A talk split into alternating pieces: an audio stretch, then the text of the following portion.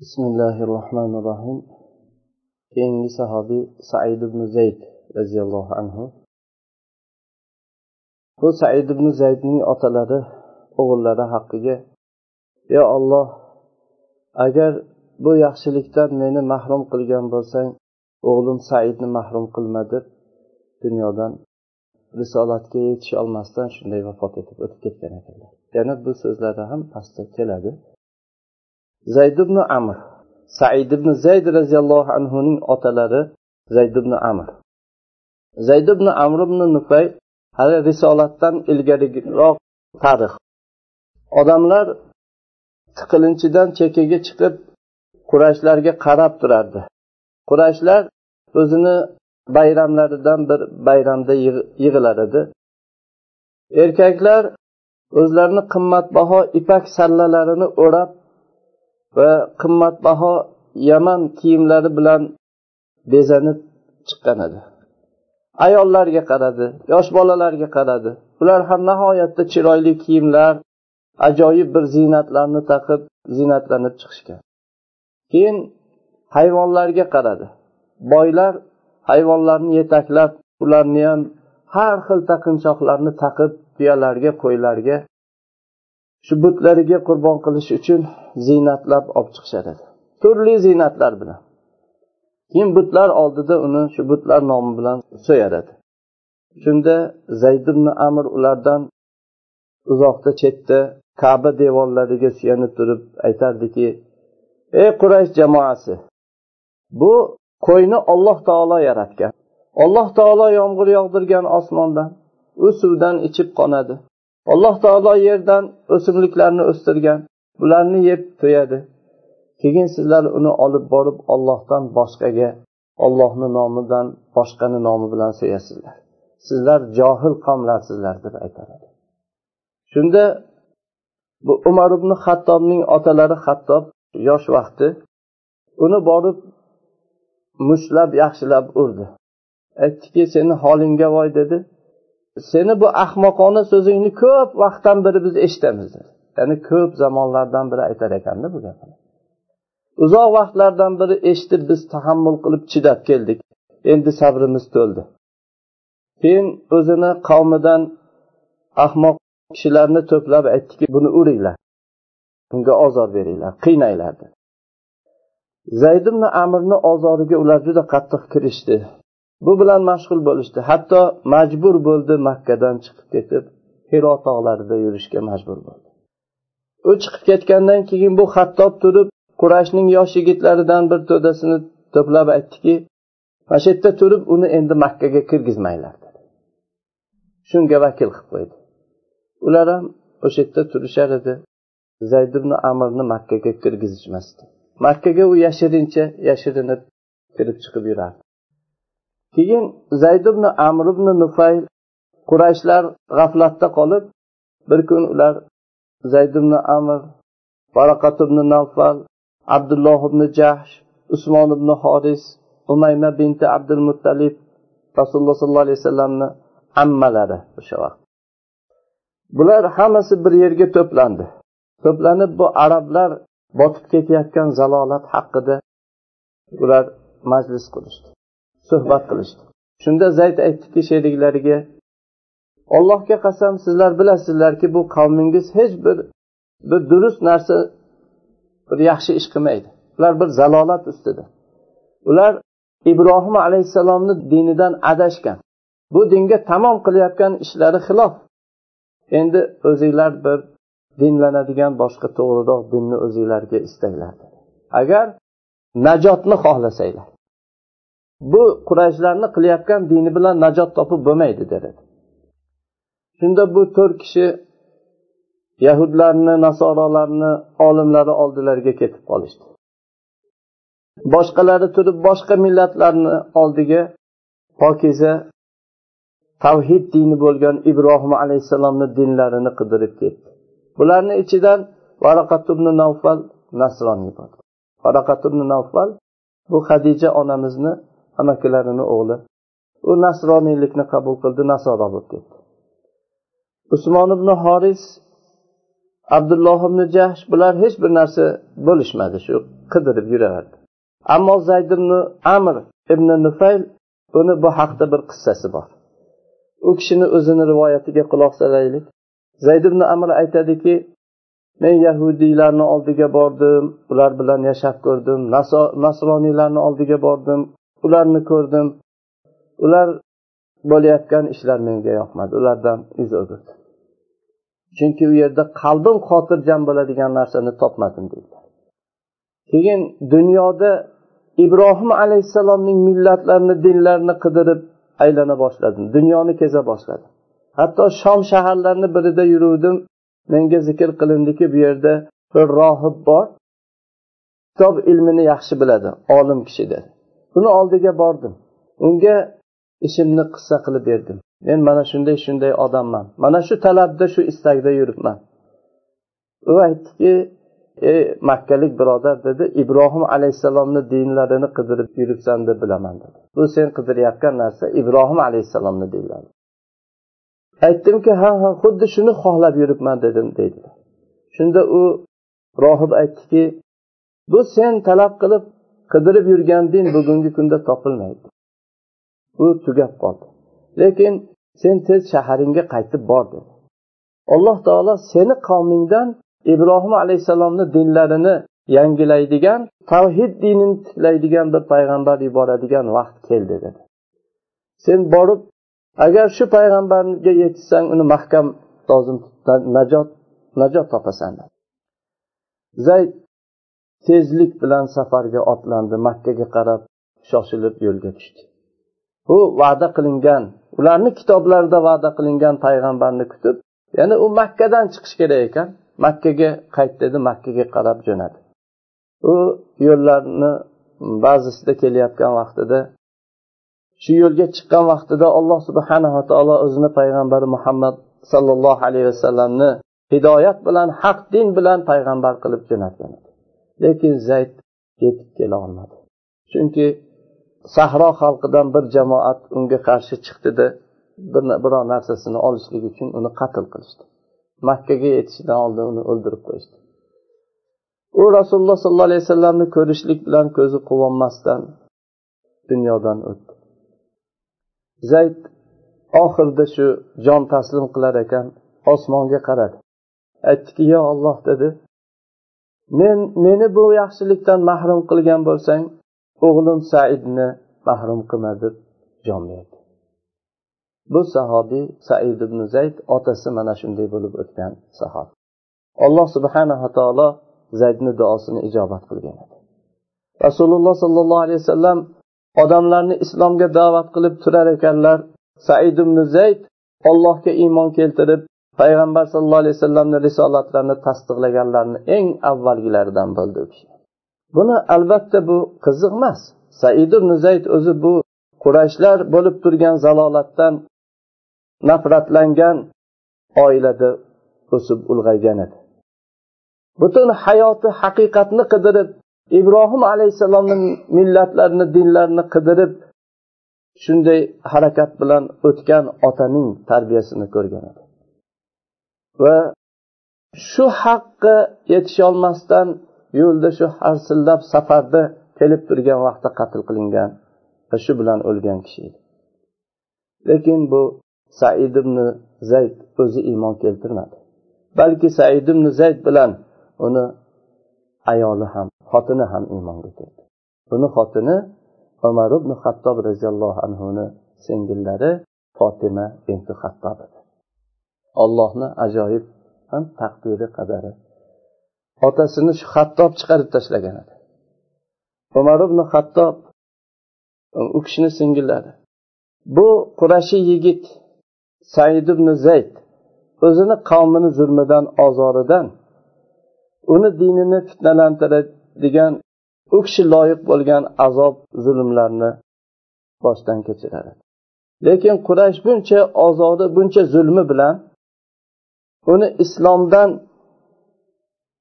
burishlik o'rniga bu said ibn zayd va bu kishini ayollari qurayshlarni eng og'irligi ya'ni og'ir bo'lgan ya'ni ularni ichida muhim ahamiyatli bo'lgan ularni ichida qadrli bo'lgan bir kishisini islomga ular tortishdi.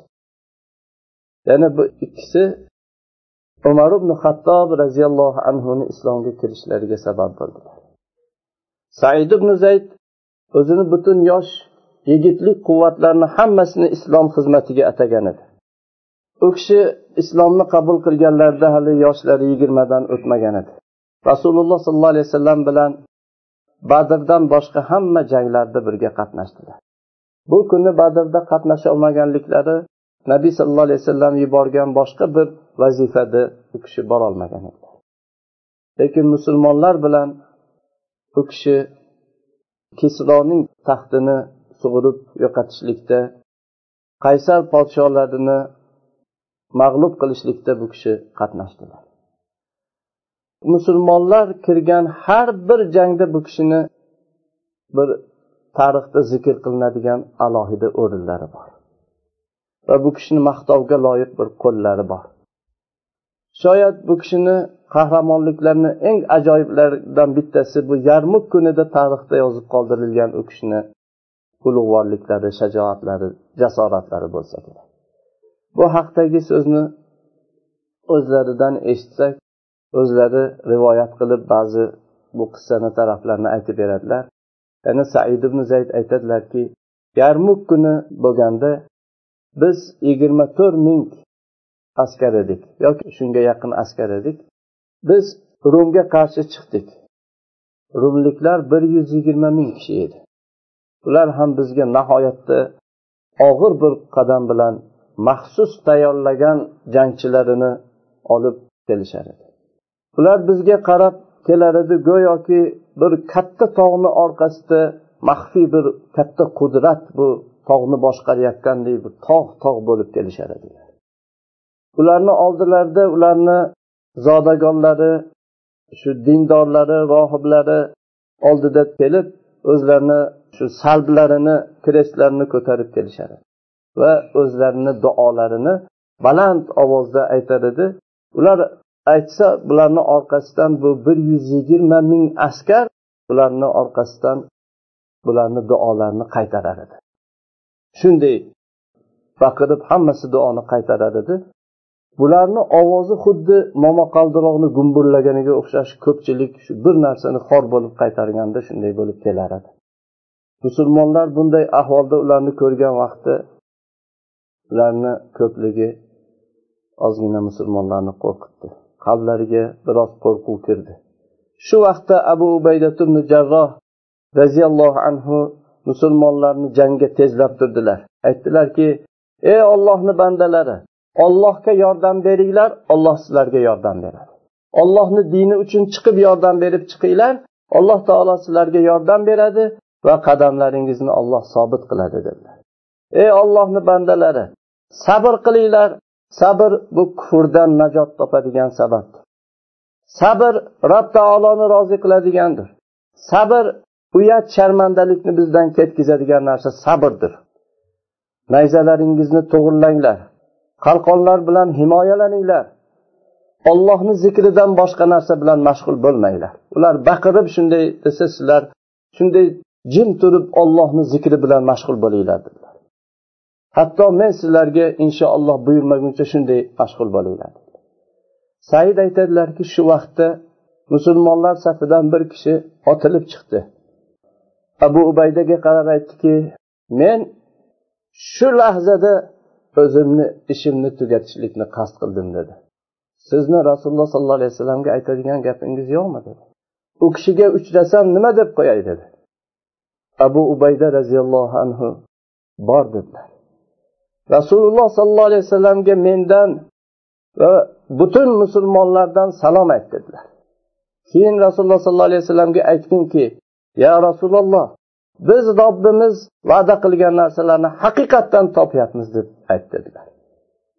Said aytadilarki men uni so'zini eshitgan vaqtda qilichini shu o'ynatib ollohni dushmanlarini ichiga shunday kirib shu urib qirib kirib ketganini ko'rgan vaqtimda o'zimni yerga otdim. Shunday tiz cho'kib o'tirdim nayzamni to'g'irladim. Bizga kelayotgan eng oldidagi pahlavonni shu nayzani shunga sanchdim deydilar uni o'ldirdim. Keyin sakrab dushmanga qarshi turdi. Alloh taolo qalbimizdagi qo'rquvni hammasini olib qo'ygan dedilar shu bir kishini bu jasorati abu ubayda roziyallohu anhuni targ'ib etishlari bu kishini shunday nayza bilan ularni qahramonni otib allohu akbar deb kirishlari bilan butun qalbimizdagi qo'rquvlar ko'tarilib ketgan edi alloh taolo qalbimizdagi qo'rquvni oldi. Odamlar rum yuzida hammalari rumga qarab uchdilar va rum bilan jang qilishda davom etdilar. Alloh taolo mo'minlarga katta bir g'alabani yozgan edi. Said ibn zayd bundan keyin dimashq fathida qatnashdilar. Dimashq musulmonlarga itoat qilib taslim bo'lgan vaqtda abu ubayda ibn jarroh said ibn zaydni dimashqqa voliy qilib qoldirdilar. Musulmonlardan dimashqqa eng birinchi voliy bo'lgan said ibn zayd.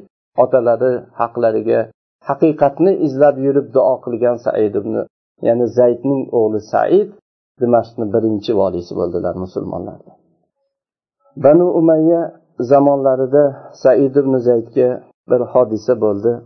Yasrib ahli bu kishiga boshiga tushgan bu voqeani uzoq vaqt u kishini hayotlaridan keyin ham zikr qilib yurishadi bu qissa shunday edi. Arvo binti uvays degan shu bir ayol u davo qildiki said ibn zayd meni yerimdan bir qismini o'zini yeriga qo'shib olgan dedi. Keyin bu so'zni har yerda shu so'zni gapirib yurardi. Gapirib musulmonlar o'rtasida shu gaplarni gapirib yurib keyin oxirida marvon ibn hakamga madinai munavvarani voliysiga shikoyat qilib said ibn zaydni ustidan shunday arz qilib bordi. Shunda madina voliysi marvon bu haqda said bilan gaplashadigan ba'zi odamlarni saidga yuborishdi. Bu rasululloh sollallohu alayhi vasallamni sahobalariga bu ish juda og'ir botdi. Aytdilarki meni zulm qilyapti deb yuribdimi u? Rasululloh sollallohu alayhi vasallamdan eshitganman. Kim bir qarich yer bilan birovga zulm qilsa qiyomat kunida unga yetti qat yer bo'lib uni bo'yniga o'raladi jahannamda deganlar. Men shuni eshitganimdan keyin uni yerini tortib olibman dedilar. Allohimma yo olloh dedilar agar bu ayol meni zulm qildi deb davo qilyapti bu davosida yolg'on aytayotgan bo'lsa ko'zini ko'r qil dedilar. Va men bilan talashayotgan o'sha chuquriga bir quduq bor edi deb talashar edi shu chuqurini ochganda bu chuquriga uni shu chuqurida halok qilgin dedilar. Va musulmonlarga men unga zulm qilmaganligimni ko'rsatadigan bir hujjatni qilgin yo alloh deb duo qildilar. Bundan ko'p o'tmadi. Bu aqiq degan shu madinadagi bir vodiy bor edi madinadan chekkaroqda bu aqiq vodiysida juda qattiq bir sel keldi. Kelib bu o'rtada bu ayol davo qilib yurgan sel ko'p sel kelganidan quduq ochilib qoldi. Odatda shu suv o'tganda yuvilib keyin cho'kib ochilib qoladi. U quduq u ayolni yerida ochildi. Musulmonlarga said roziyallohu anhuni sodiq ekanliklari aniq bo'ldi. Olloh shunday hujjat qilib ko'rsatdi. Ko'p o'tmay bu ayol yana bir oy o'tmasdan ko'zlari ko'r bo'lib qoldi. O'sha yerida aylanib yuruvdi. Shu quduqqa tushib ketib halok bo'ldi. Umar ibn hattobni o'g'illari abdulloh ibn umar roziyallohu anhu kishi aytadilarki biz yosh bola edik. Odamlarni bir biriga shu o'rtalarida bir gap o'tib qolsa olloh seni arvoni ko'r qilgandek ko'r qilsin deb bir birlariga shunday deganlarini eshitar edik keyinchalik. Albatta bunda hech ajab qizig'i yo'q. Rasululloh sollallohu alayhi vasallam mazlumni duosidan qo'rqinglar deganlar chunki mazlumni duosi bilan ollohni o'rtasida hech to'siq yo'q. Endi bu mazlum said ibn zayd bo'lsa unda hech bir to'siq bo'lmasligi muqarrar. Ya'ni said ibn zaydki o'nta jannat bilan bashorat berilganlarning bittasi. Otalari ollohga iltijo qilib meni mahrum qilgan bo'lsang yo olloh o'g'lim saidni mahrum qilma deb duo qilgan. Said roziyallohu anhu. Alloh bu zotlardan rozi bo'lsin. Alloh rahmat qilsin. سبحانك اللهم وبحمدك أشهد أن لا إله إلا أنت أستغفرك وأتوب إليك السلام عليكم ورحمة الله وبركاته